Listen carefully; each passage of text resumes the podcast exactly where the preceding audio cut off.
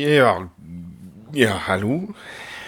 Det var da lenge siden sist. Jeg håper du ikke har glemt meg. Det er um, bare å beklage. Det går Det er mye som må gjøres, eller som skjer, så jeg har Det er litt brått med tid, så jeg har ikke fått Fått uh, stilt opp i Krakadalen så mye som jeg skulle ønske, men uh, nå skal jeg da legge ut denne episoden her, og den um, var jo egentlig planlagt at skulle komme som en slags allhelgensaftenepisode. Eh, så derfor, før vi går inn på noe videre Altså, jeg kunne like så greit egentlig Jeg tenker Jeg kunne jo egentlig lagt ut av juleepisoden, for nå, da gikk jeg meg til fra RB nå, så Så faen, de har jo begynt å henge opp julepynt her i byen og alt. Du vet, det er faen ikke til å tro, altså. Det er ikke rart folk blir idioter. De begynner å tro det er jula i november. Der har du Ja.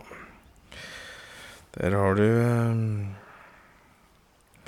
Det er greit, det at folk syns det er koselig med jula, men fy faen, jeg syns den blir jævla dritlei denne jula. Den varer så jævla lenge. Det er faen ikke noe sjarmerende ved det.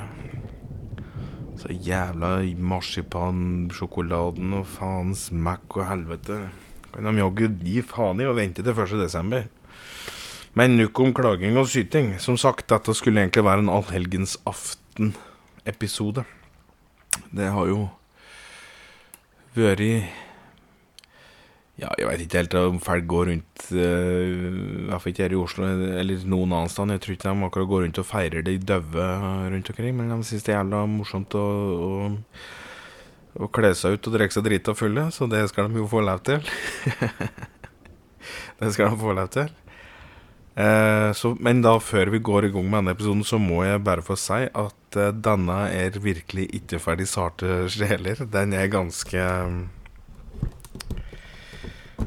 eh, Denne er ganske ekstrem, så hvis du ikke er noe begeistret for um, skrekksjangeren, så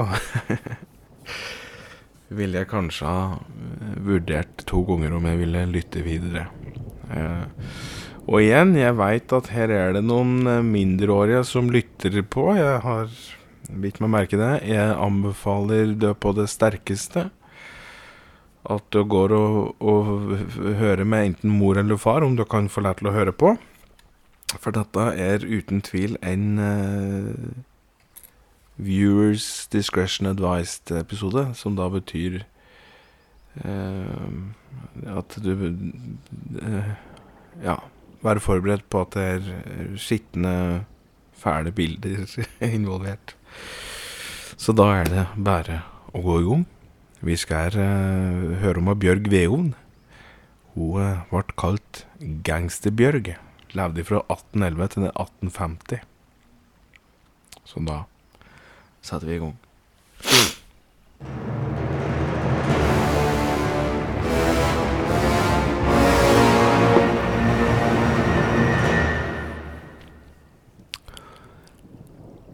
Ifra et nedslitt og knirkete hus langt, langt, langt inne i skogen.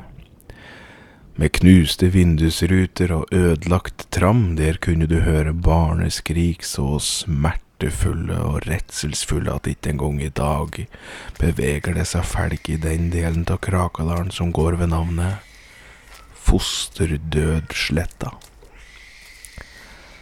Det var denne sletta man kunne finne huset til Gangsterbjørg. Et av de mest grufulle og nådeløse skikkelsene Krakadalen hadde å by på. Det vites lite om hennes barndom, men ryktet om som gikk sa at hun var jevnt over trivelig og god, men hadde ei bakside så svart at sjæl ikke jævelen sjæl turte å ta henne til fru. Det var prat om at eh, Veslebjørk hadde pint kattunger med synål og tråd sydd dem i hoppes for å lage edderkoppkatter. Hun velte kuer på natterstid bare for at hun nøyt synet av forvirrede kuer som ikke skjønte det skarve grann når de datt. Og det sies at hun brante opp far sin etter at han hadde bedt henne gå og legge seg, selv om hun ikke hadde vært trett. Ja. Historien om gangster Bjørg, dem er mange. Og dessverre, for seg, så er de jævlig fæle. det vi i hvert fall veit, det er at da Gangsterbjørg startet sin virksomhet da hun var 17 år. Da hørte hun om ei hestekjerre som sto fast eh, i skogen, og den var jo lastet med tobakk. Og da dro hun dit da og undret på om det felget der trengte telegramhjelp.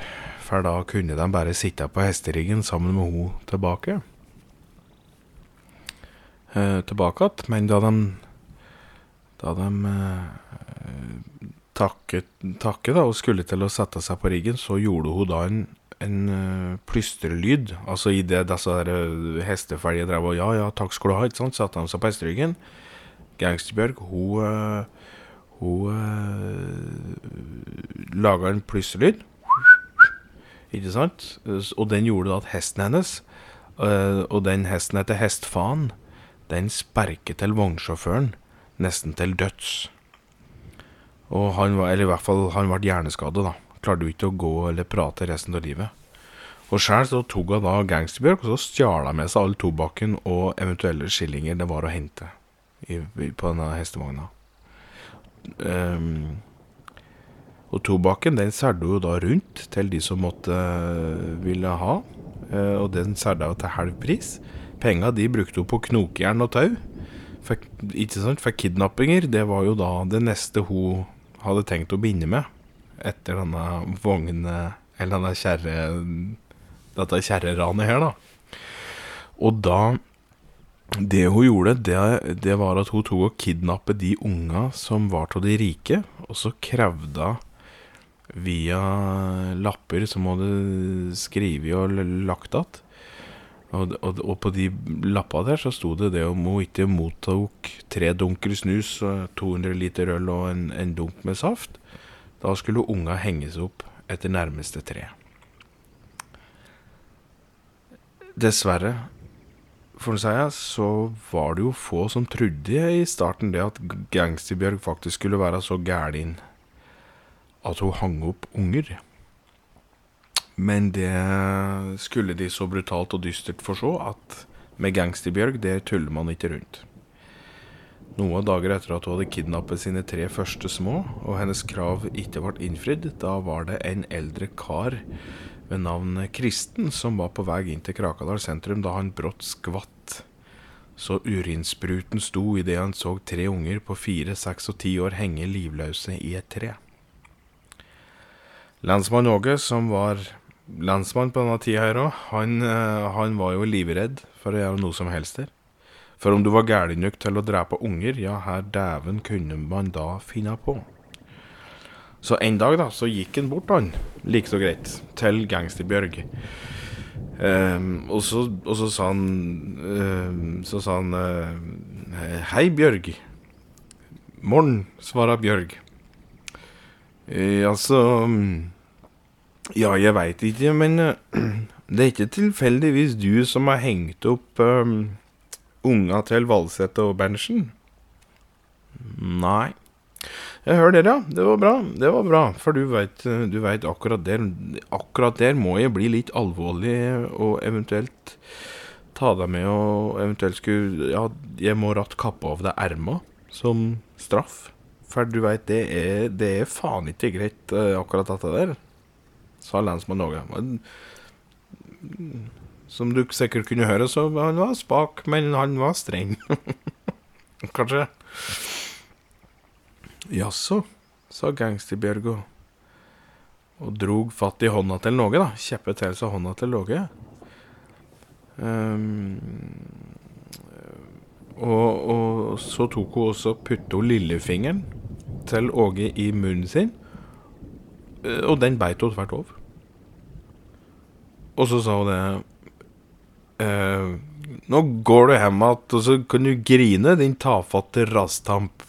Og så sperka hun Åge i skinnleggen, så han begynte å hinke og oie og eie seg litt, da. Så det, ikke sant? Det eh, Altså, Gangsterbjørg, hun var jo faen meg kav. Hun var jo livsfarlig. Hun var et alvorlig problem eh, å skulle ha i, i bygda. Men du veit det var jo ingen her som torde å gjøre noe som helst. Så det endte jo da med at Bjørg hun fikk jo det hun ville ha, da. Til enhver tid. Eh, uten å måtte betale for det og, eh, eller noen ting. For det, folk levde jo i frykt for hva hun kunne finne på å gjøre. Noen sa jo at dette bare var en fase, da, men det var jo òg de som sa at hun var gæren på ordentlig. Det som, det som øh, kanskje var farligst, det var, det var, jo det at hun var jo ulidelig pen. De fleste kærer rundt om i bygda de var jo, jo seikende forelska i Bjørg vet du, hver gang de hadde drukket litt. Eh, da var det akkurat som at hun ikke var så gæren. du veit, der er kærer jævla stutet så lenge Så lenge de har noe mellom beina dem som funker, så tenker de ofte med den etter et par glass. Ikke sant? Mm. Eh, ja, så det, de, det disse kæra tenkte da, det var jo det at eh, da er jo Bjørg, da. Hun er jo bare søt og skjønn frøken, ikke sant, som hun kunne ligge med. Snodig nok så var òg Bjørg ganske sjarmerende. Utrolig søt og snill de gangene hun sjøl var ute og drakk. Og en gang under Krakadalsmarten, som da er den største festen i Herrekrakanalen. Eh, da var det slik at på dag én, da kysser hun med brannmann Trond. Andre dagen, da kysser hun på bakemester Hasse. Og tredje dagen, da gifter hun seg med jegergubben Leif. Bryllupet det ble jo da kjapt og gærent gjort under, Martin, under en Marten-seremoni. Eh, men når Trond og Hasse fikk vite dette den kvelden, og at hun da var brått var gift, du veit, da ble de litt eh, småherme.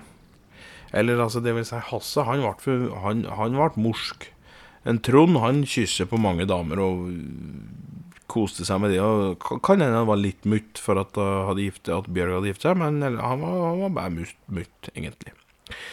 En Hasse derimot, han, han, han trasker da opp til jegermann Leif og, og til Bjørg. Og så undrer han på da, om det var sant at de nå var gift. Ja, det har du ingenting med, svarer Bjørg. Skrelltotten, midt i tryneskiva. Knyttneven strak. Og Hasse, han mumler bare. Eh, han, han mumler bare Men du, du kysser meg Du kysser, du kysser meg i går, så jeg trodde kanskje vi skulle være i hop. Ja. Og da ble han jo Leif Morsk, vet du krevde jo da svar av Bjørg. Her dæven er det en Hasse driver og prater om nå, for det, du vet, slik var jo ikke vanlig ennå på bygda, at folk bare gikk og kysset på nye felg dag etter dag. Og da svarer Bjørg, skal du begynne òg? Og så small hun beinet sitt midt i skrevet på Leif så hardt at han svimte jo tvert over, og lå jo kav overkommen, vet du, i bakken. Og brannmann Trond derimot, han sto bare og tenkte for seg sjæl, ja, dem.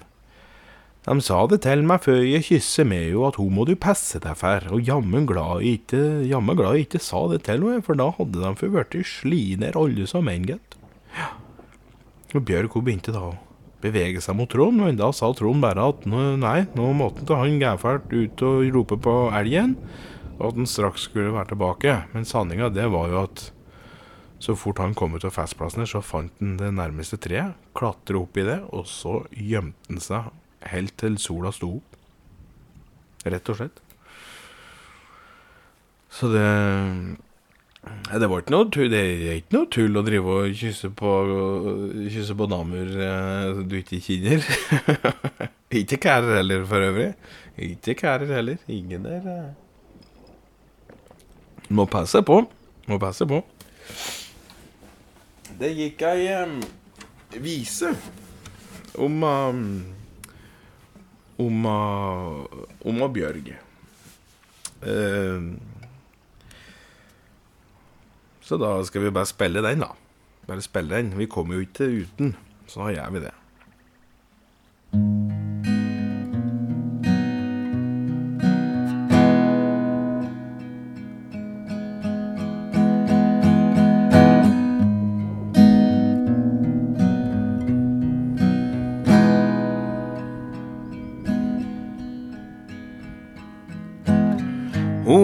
Hadde øver som Kleopatra og munn som Afrodite.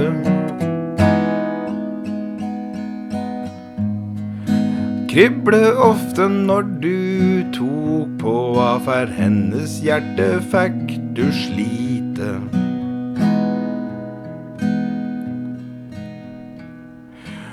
Hun var sterk som en bjørn med en fysikk som ei gudinne. Dog det fantes ingen bønn om hun vart din elskerinne. Hun knuste sin første og reiv opp sin andre. Sveik så den tredje før hun brann opp den fjerde.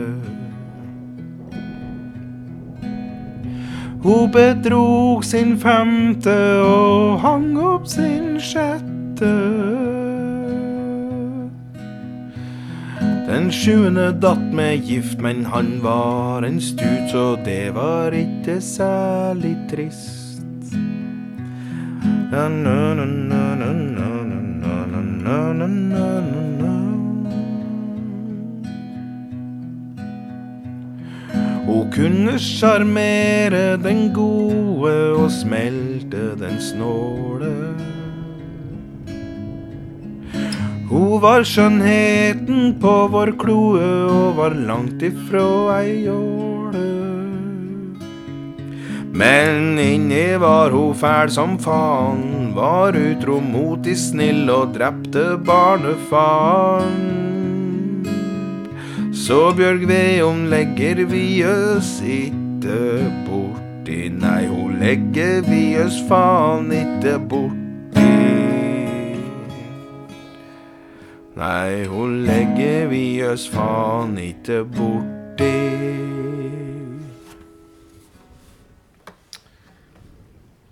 Ja. Denne spørs det full om det ikke var en brannmann Trond som hadde skrevet. Han eh, kom da gæt tur, da, han, da. Um, Bjørg hun starter full da i 1833 opp sin egen mafiagjeng. Eh, som de kalte seg de, eh, Den hemmelige gangsterklubben. ja. Og de, det var for strengt tatt ikke så hemmelig, denne klubben der, egentlig. Eh, Bjørg hun gikk nemlig da eh, rundt på natterstid, og så tagga hun ned husvegger med måling. Nei, ikke med måling, men med saueblod. Saueblod hadde hun, for faen. Hun, eh, hun tagger ned husvegger hun fikk med saueblod. Eh, og det saueblodet det hadde hun stjålet av handelsmester Torgrim. da Så da folk våkna opp, så kunne de se at det sto DHG. Den hemmelige gangsterklubben. Mm. Det sto det på vegga til husa. Eller husa til vegga til folk, da. Mm. Men du veit, folk forsto jo ikke eh, helt her at det her innebar. Og, og, og svært få visste jo her en gangster var inne på skoga der, vet du, så det var jo ingen som Det var ingen som akkurat skvatt og gjorde i buksen til dette navnet der. Den brydde seg jo ikke noe nevneverdig, rett og slett. Så Og da Bjørg da registrerte at navnet på klubben hennes eh, var en fiasko, eh, og særlig at det liksom Det hadde ikke så stor effekt på Kæreibygda, da tok Bjørg og endret navnet på klubben sin. Hun starter nå KKK. Kutt Kukken-klubben. Herregud. Det var det hun startet. Kutt Kukk Kutt Kukk-klubben. Mm. Klubben, den skulle Den skulle utelukke Herregud. Det er så teit. Men Gangsterbjørg var jo fæl, så det er ikke så morsomt egentlig, men akkurat det navnet der Ja. Nei da. Klubben hennes den skulle jo i hvert fall utelukkende bestå av kvinnfolk. Og, og kæra som styrer og holdt på rundt omkring i bygda, Den skulle nok nå få svi noe skikkelig. Foruten da handelsmester Torgrim, da, for han var jo han var, kanskje bitte litt søt, syns, syns Bjørg.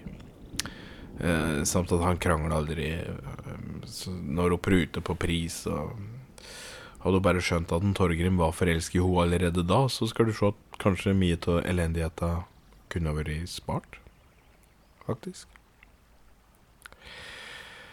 Men uh, Ja, no, og noe mer om, om, om Torgrim og, og, den opplevelsen der, det, det, eller deres forhold, det veit vi ikke. Jeg tror nok ikke det ble noe mer. Men vi skal til en skikkelig gangsterhendelse, kanskje. og dette var For det var en kveld. Eh, så, hadde eh, så var det en som heter Leif Benny Ramsli, og en som heter Ove Kåre Tveten. De hadde drukket. Og så hadde de veddet på at de skulle liksom klare å rundstjele Gangsterbjørg og denne Kutt Kukk-klubben-gjengen hans. Eh, for de penga de eh, hadde, da, og brukte å spille opp eh, når de hadde sin årlige Vri åtter-turnering. Og den turneringa der, den kunne jo gjerne vare opp mot tre dager, den. Så mm, de satt og drakk, og det var, begynte å bli sendt. Og Leif Benny og Ove Kåre de tok på seg da noen, noe klede over huget. Skar opp litt um, et par hæl, da, så han kunne se hvor de gikk. Eh, og så tok hun Leif Benny fatt i en høygaffel, mens Ove Kåre han samlet småstein i lommen som han skulle eh, true med å um, kaste. og, rett og slett. Så, og inn. Small da med inn. Stormer Kutt Kukk-klubben klokka ti en tirsdagskveld. Mens Gangsterbjørg og gjengen satt der og spilte vri åtter rundt uh, med tung pipeføring og uh, ikke sant, tobakken lå i lufta. Det lufter spritsats og, og, og sur øl, eh, ikke sant? Og så skreik en Ove Kåre eh, who, the, who the fuck you Who the fuck you give me? Who the fuck you give me? For han tenkte at hvis han sa det på engelsk For han hadde, han hadde ei dame ifra eh, eng, Ikke fra England, men fra over Atlanteren. Så han skriver Hun satt på Alcatraz. Så han hadde skrevet et brev og brevveksle med henne. Så han hadde lært seg litt engelsk. Så han tenkte hvis han preker engelsk, så ville ikke han kunne bli ferske. Han hadde òg hatt engelskkurs for eh, han eh, Ove Kåre, for jeg har en følelse at han prater engelsk. Så ikke sant? Det var det en uh, Ove Nei, ja, til Leif Benja. Så, så igjen Ove Kåre stormer Vriåter-turneringa. Who the fuck you give me? Og Gangsterbjørg, vet du. Who the fuck are you? Og, og Leif Benny skriver Who the fuck are you? Who the fuck are you? Skriker han. Hæ? Ja, du må da faen være ifra brann... Du må da faen være ifra Brandval, så idioter som du ser ut, sa Bjørg. Og, og, og preke makk gjerne òg, sa Veslefrikk. Som var den eneste, eneste vennen som fikk lov til å være med i Kutt Kukk-klubben, eh, som var kær. For det Veslefrikk, han likte jo kærer, men hadde noen dårlige uh, opplevelser. Så han fikk lært til å være med i Kutt Kuk-klubben. I hvert fall, Veslefrik satt jo i hjørnet med bare ett kort på hånda, og så hadde han en sneip i kjeften. Og, og så sier han Ove Kåre det. Give us, give us cash money, fuckos, sa han Ove Kåre.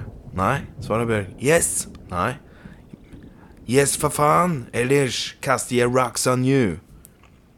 Rocks on you, undrer veslefrikk i hjørnet, som akkurat hadde slengt på de siste kortene og samlet inn kroner som han hadde vunnet, da. Yes! Rocks, for faen! Rocks! Hadde hun jo kåra. Du, her er rocks atte. det. Rocks. Her er det at det, svarte, sa veslefrikk og, og så på sidefrøkna, da, og det var Britt. Det er stein. Det er stein. Stein er det. Faen, stemmer det? Altså, jaså. Jaså? Jaså, du. Skal du kaste stein, du? Skal du kaste stein? sa Veslefrikk da, og gliste da mens han var uh, firte opp en ny, uh, ny sigarett. Da tok uh, Da tok Ove, Ove Kåre opp en neve småstein og begynte å kaste en og en stein hardt mot Veslefrikk. Ja, men gi faen! Gi faen, da! Kaster for faen ikke stein på folk som spiller kort, da, meg! Give me my money, fuck her! Give me my money! Hva faen sa du nå? Fuck her? Ja? Fuck her, sa han uh, sa han uh, Leif Benny, da. Og, og sto klar til å stekke ned Gangsterbjørg vet du, med høygaffel.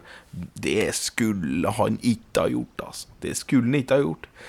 Gangsterbjørg hun tok ei lita, lita gåfinte. To til høyre og ett skritt venstre, og så skrelte til Leif Benny rett i trynet med knyttneven, og så dro hun fram hammeren sin, klappet ned Leif Benny så han datt på en stol.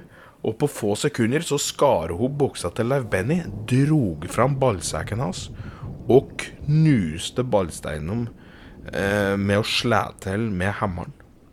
Ballrom til Leif Benny, de, de Altså De ble knust mellom stolen og hammeren. Og de skrika der, de skrika der, de var først lydløse, de. Før det da gjallte ut over hele huset. Og Ove Kåre han begynte bare å grine, bare til å høre på disse skrika der. Han, altså tåren, altså han, Det var helt ukontrollert. Han han begynte bare å grine. Og han fortsatte å kaste stein. Men nå sto han bare og kastet på veggen. Han hadde ikke noe retning. Han var så redd, så han bare sto og kastet stein overalt. Eh, og, og, og han prøvde, jo, han prøvde jo å bevege beina sine, vet du. Ut av dette vriåtterlokalet her, men du veit, det gikk ikke. Det gikk ikke. Gangsterbjørg hun gikk sakte mot Ove Kåre. Ba for sitt liv, gjorde han. Han ba for sitt liv. Please. Please, vesle beautiful engel. Du har vinger big like elefantører. En eyes deep and Deep as eh, den djupeste sjøen. Vil du gifte deg med meg, kanskje? Please, vil du gifte deg med meg? Og Gangsterbjørg lente seg over så det så ut som at hun skulle gi Kåre en, eller Ove Kåre en klem. Men i stedet så beit hun tak i kjakan hans og gnagde slik at det vart et hæl i kjakan. Sea og hengte opp stakkaren etter kukken.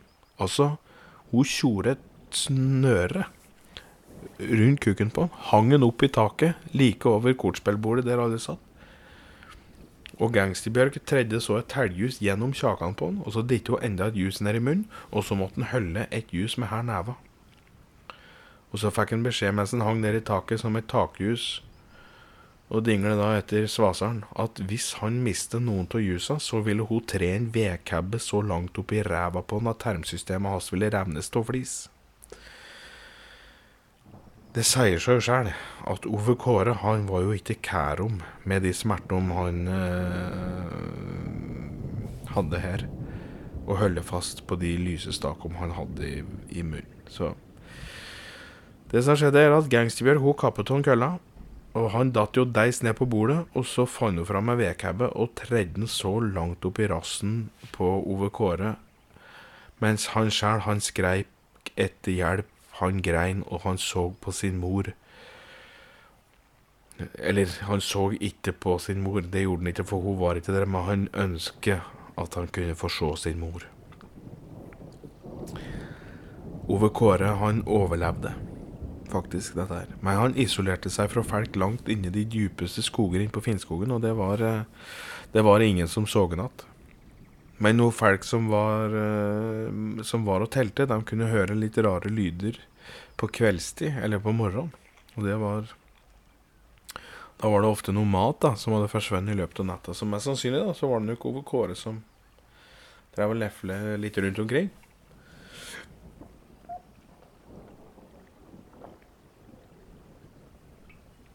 Det kan hende. Men det er ikke det siste jævelskapet vi har hørt om Gangsterbjørg. Dette er uh, Dette er uh, Det som kommer nå, det tror jeg er det fæleste um, som kan ha skjedd i Krakadalen, faktisk. Fær det hun godeste Gangsterbjørg, da, hun råker på en storkar fra Kristiania. Han var på gjennomreise en dag i august i 1834. Denne stor, storkaren her, han var en stortingsmann. Han uh, hadde heller ingenting til overs for verken fattige eller de utenlandske eller den skogen uh, han vandrer i. Han hadde jo gjerne lyst til å rive ned og, og, og, og um, ødelegge hele skogen. Uh, men i slike tilfeller så spiller det nesten ingen rolle her du, her du står for, det Det får nå så være. Men for, altså, han, visste, han visste jo ikke hvor kjøttet kom ifra, eller hvordan dyra oppførte seg i naturen, men han hadde jo sett en annen ilter her, som fløy gæren rundt da i Kristianias gater, og han var bestemt på at den slags udyr som der, det måtte jo slaktes. Bjørg tenkte at her ville det være gode penger. Eh, altså i hvert fall muligheter til å gjøre opp for litt penger. For hun hadde jo aldri sett en så gild kær da, som denne eh, stortingsmannen er. Så hun ridde opp til den mens han ridde over Skassberget, og så sa, de, så sa hun det. Hei du, din feite stutfaen med måneglans på huget og svett ballestang så langt vind råker. Stopp der, du, så jeg får lov til å sperre deg om noe. Stortingsmannen han snudde seg på hesten og lurte på her dæven det var for et kjerringkrek som preker slik åt en så staselig mann med dress. Ja, jaggu vart du stiggere jo nærmere ansiktet ditt jeg kom, gitt. Fy faen, det hadde jeg ikke ventet. Du, kom du ut til rævhælet på mor di, du, eller hva faen karer du deg til bæla, du, da? Undra Bjørg på. Nei. Nei, vet De hva? Om de ikke holder tungen i ro, så skal jeg simpelthen skjære den av, svarer stortingsmannen. Ja, prøv du på det, du, runkemester hestekuk. Og I så fall så skal jeg ta fram min kniv og skjære av deg ermer og bein, før jeg så setter ei snor på den lille snoppen din og drar hele faenskapet opp gjennom ræva di og opp til kjeften din. Nei. Nei, altså, dette står jeg ikke og hører på. Den der skitne munnen din, den må du se til å vaske i såpa. Ja, det er da farlig som faen, det, da, svarer Bjørg. Ja. Uansett, frøken Frekk, dette, dette har jeg simpelthen ikke tid til å høre på. Da tok Bjørg fram lassoen sin, kastet den rundt stortingsmannen. Gubben kvapp til og skjønte da ingenting idet han datt deis i bakken. Ingenting. Og Bjørg hun drog den med seg lenger inn i skogen, kastet den andre delen av tauet over en bred kvist, og så tok hun tak og heiste stortingsmannen opp i treet. Mens han hoia og skreik så alle skogens fugler, de skreik med, vet du. Det var jo faens helvetes leven denne dagen der. Ja, og, det, og seinere skulle jo denne, denne, dagen skulle jo da bli kjent som eh, dagen da fugla skreik så høyt at jorda riste. Tenkte jeg. Ja, men hva er det du vil av meg, frøken? Hva er det du vil av meg? undra stortingskaren på da, mens han dingla opp i treet mens tauet strammet seg rundt magen på han. Nei, ikke stort annet enn at du skal henge her. Du flakser rundt med penga dine som om det skulle være noe en brukte til å tørke seg ræva med, men det er ikke så lettvint her, så jeg ber deg om alle de penga du har med deg, sa Bjørg. Nei, vet du hva, vet du hva, jeg har ingen penger. Jeg er en, jeg er en stortingsmann, og alle mine penger de er låst i en uh, safe i Kristiania Bank. Ja vel, ja vel, men da tar jeg like så greit og spretter det opp som en gris og tar med meg knokla dine hjem igjen og koker det slik at jeg har kraft til kvelds. Ja, men himmel hav, frøken. er du, du, du, du, du spik spenna gal, du? Det er hoie stortingsmannen, vet du, mens, mens nå begynte jo her òg. Det kom litt redsels, litt frykt i øyet her. Begynner å presse på. Ja, noen syns det. Så, har du penger, eller skal jeg sprette magasekken din.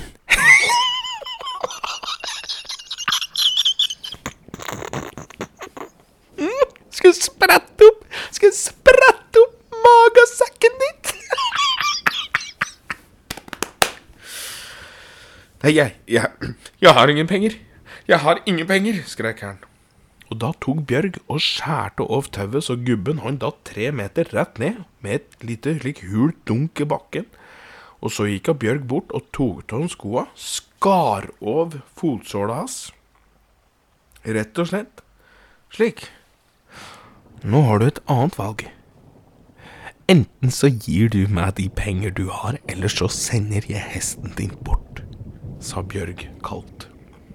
Gubben, han lå og grein, offe seg, strakte hånda i lomma. Der hadde han faktisk 800 riksdaler som, ga, altså, som han ga Bjørg. Og Bjørg hun var ganske fornøyd med det.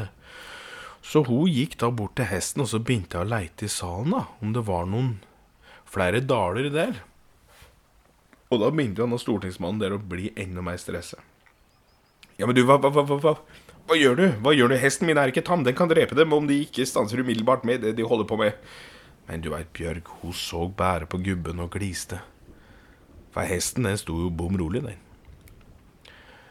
Og det som skjer, er at under salen på hesten så finner hun faen steike ta meg 5000 riksdaler til.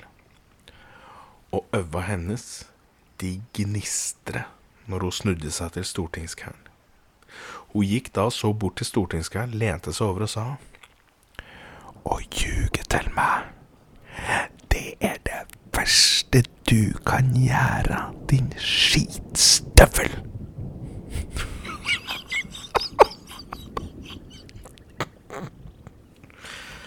Og gubben, han var så nær ved å drite på seg, men Bjørg ga han da en ørefik, så han fikk tanken over på noe annet, og så rusla hun bort. For det Bjørg hadde i tanken her, det var Altså, det er verre enn det noen, noen skulle kunne være i stand til å forestille seg. Dette er faktisk noe av det verste som er gjort av et menneske i Krakadalen. Eh, jeg vil nest Nå veit jeg ikke om alt det jævlige folk har gjort i det, i, rundt om i verden heller, men jeg tar påstått at det kan være noe av det jævligste som er gjort av noen eh, i hele verden, egentlig. Um, for Gangsterbjørg hun skulle nok sørge for at uh, var det én ting folk ikke skulle gjøre, så var det å ljuge henne strakt i ansiktet. Hennes mor hadde visstnok alltid brutt løfter overfor Bjørg i barndommen, og det var det verste hun visste. Og bedre var det ikke Eller det var jo ikke det at uh, Bedre var det ikke liksom at alle hennes uh, onkler og tanter hadde gjort det samme da, opp igjennom. Um, så det som skjer, er at Bjørg hun går ikke så langt vekk fra stortingskæren her. Hun bare gikk akkurat såpass langt så at hun og hesten hennes ikke kunne sjås. Så når stortingsmannen endelig fikk tømt den nervøse magen sin og karret seg på hesten sin etter å ha slitt med å komme seg på de bloddeigete føtta sine som nå mangler hud, så ferda Bjørg etter. Og i tre dager så sto hun utafor huset til stortingskaren, som lå da i Problemveien i Kristiania, og der fant hun ut at han var far til en liten gutt på to år og et spedbarn.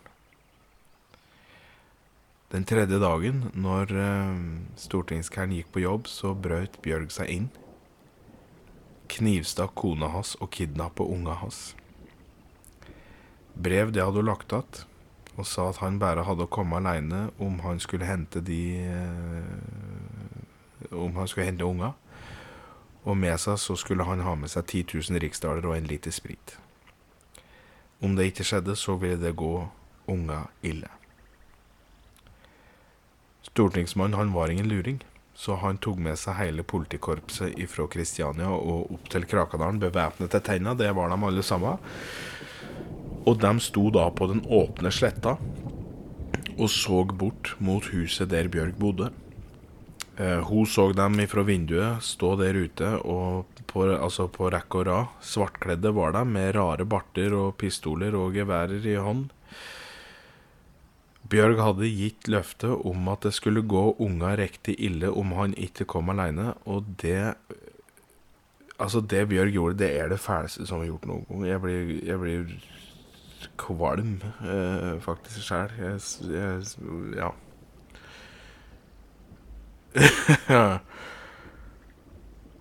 Det er faktisk så fælt at jeg, jeg sitter nå faktisk og vurderer om om, om, eh, om det er så jeg skal gå videre. Men um,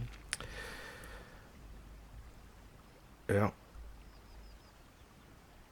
Det hun gjorde, i hvert fall, det var at hun fyrte opp ei diger gryte og kokte opp vann. Um, og mens politikorps og stortingskaren sto og skravla ute på sletta, så kunne de plutselig høre de verste verste smerteskrika. Som det er umulig. Det er umulig å forestille seg det. Eh, de var så fæle De var så fæle at alle som var i 100 meters omkrets, de ble eh, døvhørte. For skrika de var så fæle at det tok til å stikke kniver Altså folk begynte å stekke kniver og pinner inn i ørene sine, så hørselen gikk ad undas. De, de, rett og slett i håp om at de aldri skulle høre den slags skrik at noensinne. Det var, det var, det var skrik av små unger som ble kokt levende. Bjørg skar faktisk av seg ørene sine sjæl, eh, men det hjalp. Det hjalp jo lite å skjære av øra sine, da, for det hørselen den ble fortsatt blivende.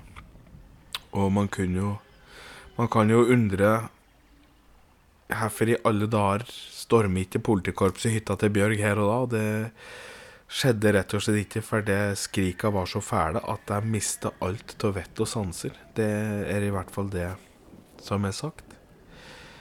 Eh, det var altså så hinsides at de hadde hørt Altså, det hadde vært eh, hinsides alt de hadde hørt tidligere.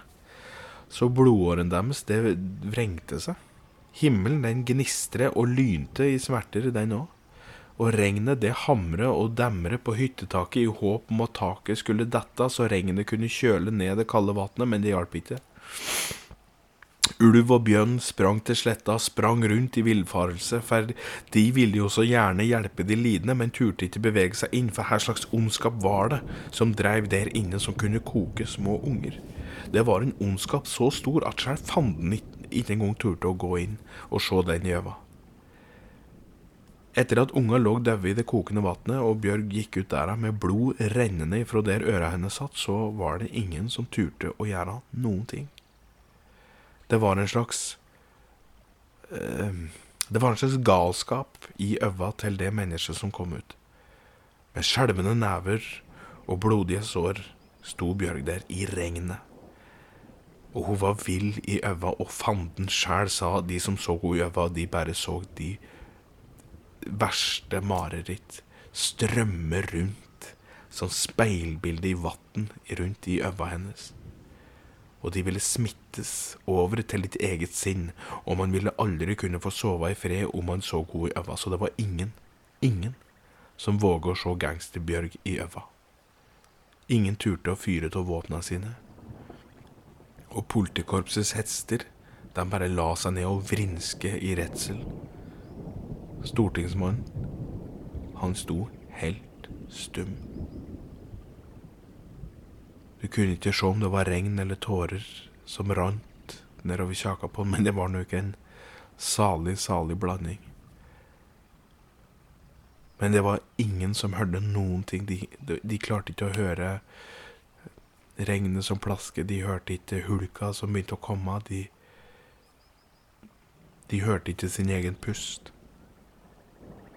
Og stortingsmannen, han sto som et hvitkledd lik.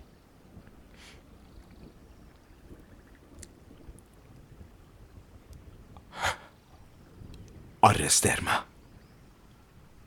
Drep meg. Noen. Vær så snill, sa Bjørg. Men det var det ingen som turte. De trodde det var noe lureri. Alle bare sto bom rolig på fosterdødsletta, og ingen turte å røre så mye som en muskel.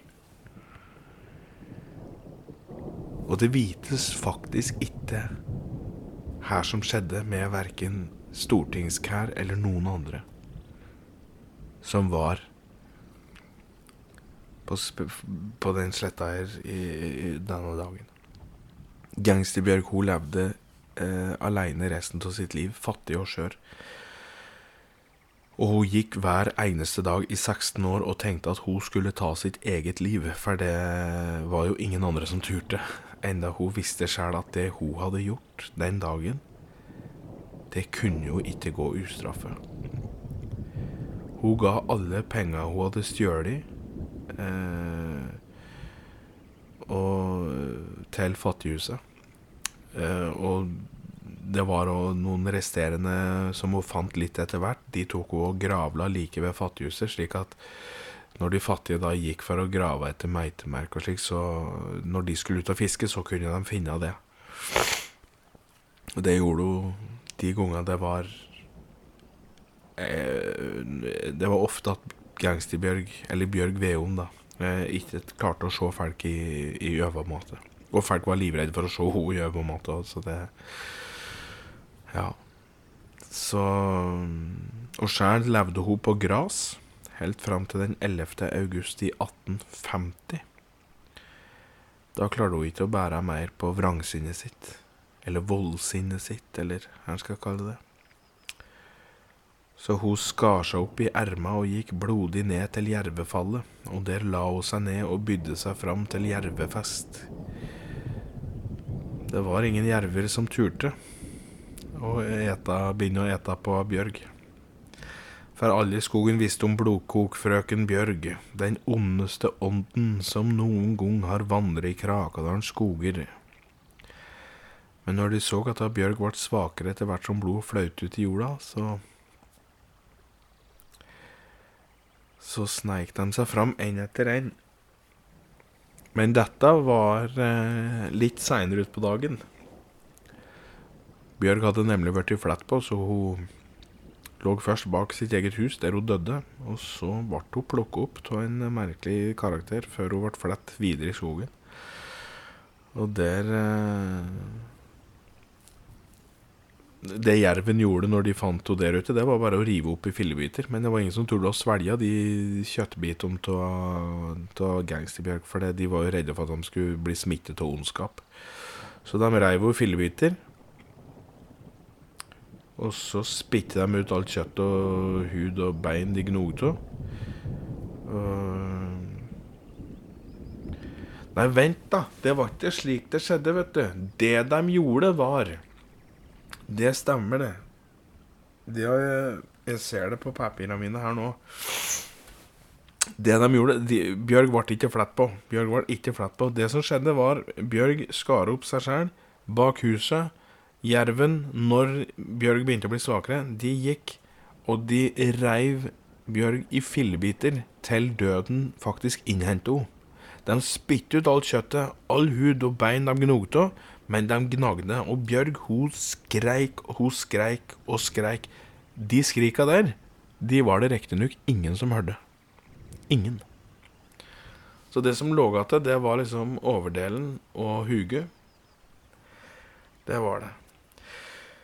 Nå lurer du sikkert på men skal det ikke være noe brev? Skal det ikke være noe også lik Jo. Men greia er at Bjørg var jo ingen poet. Hun hadde heller ingen som var så særlig glad i henne, og hun var, og er, kanskje en av de verdens mest forhatte i Krakadalens historie, med god grunn, slik sett. Men eh, det er faktisk et politinotat fra den dagen eh, Gangsterbjørg ble funnet livløs oppi Det politinotatet det stammer jo riktignok ifra ingen ringere enn lensmann Åge sjæl. Og eh, det er jo helt fantastisk at vi har et um, ei som er helt motsatt av Gangsterbjørg, som fant det brevet for ja, kanskje noen og 40-50 år siden, tenker jeg. Hun var jo ute og surfe på, i Hukersjøen. og så syntes hun var litt kjett, da, for det er jo ikke noen bølger bort på Hukersjøen, vet du.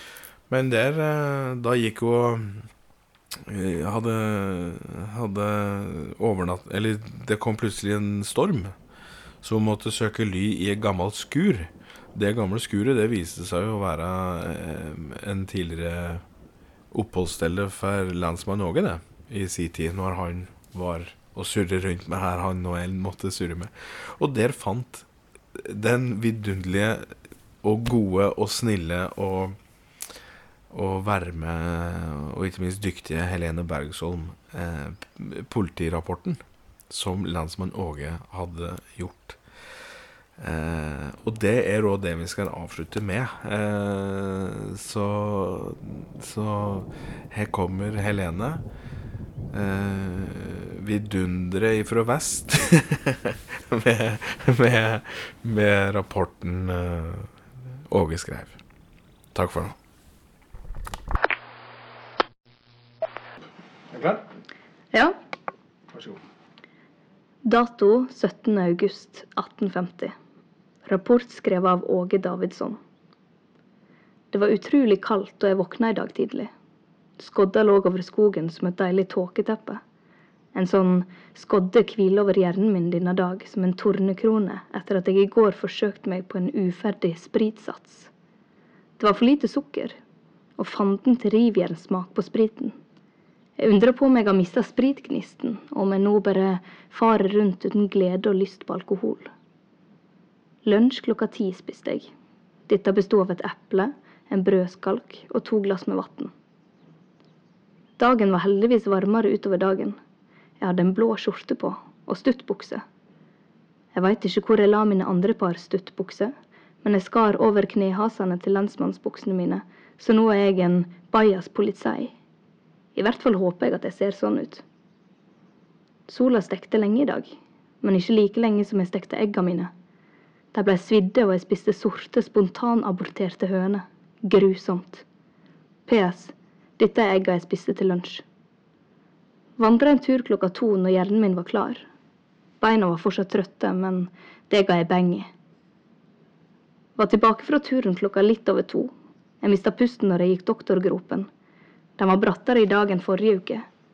Det er et mysterium som bør løses før helga. For slike geologiske unaturligheter bør oppklares i håp om at det ikke blir panikk. Podsoljorda er i ferd med å ta siltform. Dette er ikke en naturlig utvikling blant trevegetasjon. Jeg noterer meg bak øret.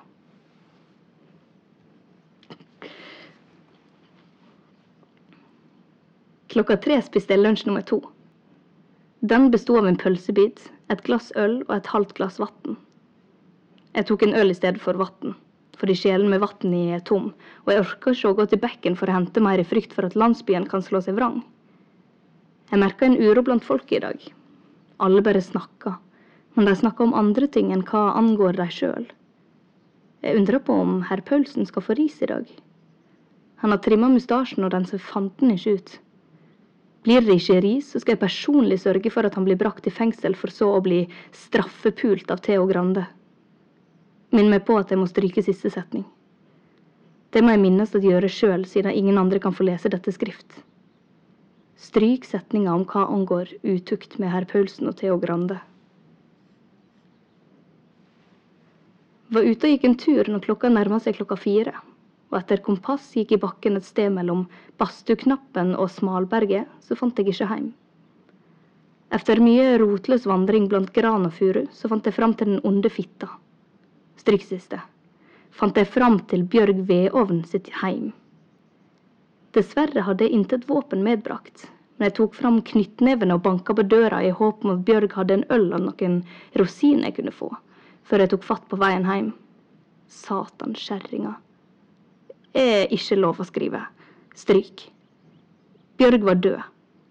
Hun lå stinkende og blodig bak huset. Heldigvis hadde jeg ikke helt i meg den sure kaffen jeg fant på koken i stua hennes når jeg fant henne, så jeg holdt meg for god til å spy. Sjøl om jeg lente meg over og putta en finger i munnen så jeg spydde henne i ansiktet for det om.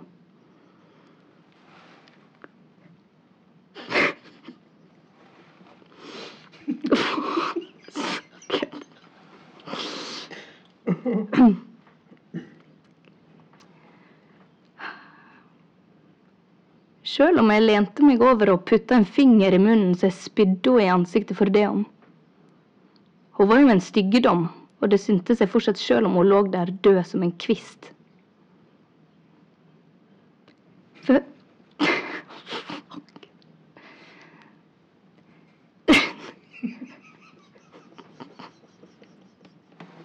At du må få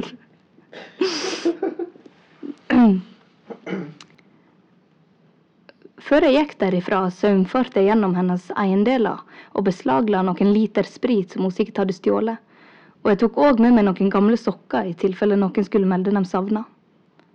Hvis ikke så er Bjørg uansett død, og jeg er gått tom for sokker, så disse vil nok ingen savne uansett. Spriten tømte jeg òg der ute. Dessverre var jeg redd for at insekter i jorda ikke skulle tåle den sterke alkoholen, så jeg drakk den på stedet før jeg åpna Bjørg sin munn, og urinerte i den døde munnen slik at ingen insekt skulle bli skada. Jeg løfta så den stive skrotten til Bjørg, som var ei fæl dame i sin levetid. Men på veien tilbake klarte jeg å miste henne idet jeg trodde jeg hørte kjentfolk i skogen.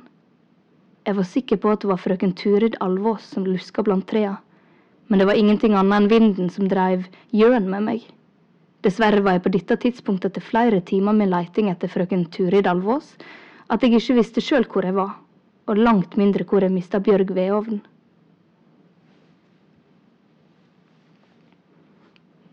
Klokka var nærmere åtte når jeg endelig ankom et sted hvor det befant seg folk. Det var uheldigvis hos de innavlede i Longfloen. Men jeg var på det tidspunktet så sliten i øynene at jeg merka ikke av dem før seinere på kvelden, når mørket la seg. Da kunne jeg gjenkjenne den mørke stemma til mor Sofie. Sist jeg hørte den, var en fuktig aften for noen år tilbake. Godt jeg merka meg det så tidlig den kvelden, ettersom datter har blitt skjønnsmoden. Jeg er tilbake på kontoret nå, og avslutter dermed rapport for denne gang. Minn meg på at jeg må stryke Theo Grande og fitte.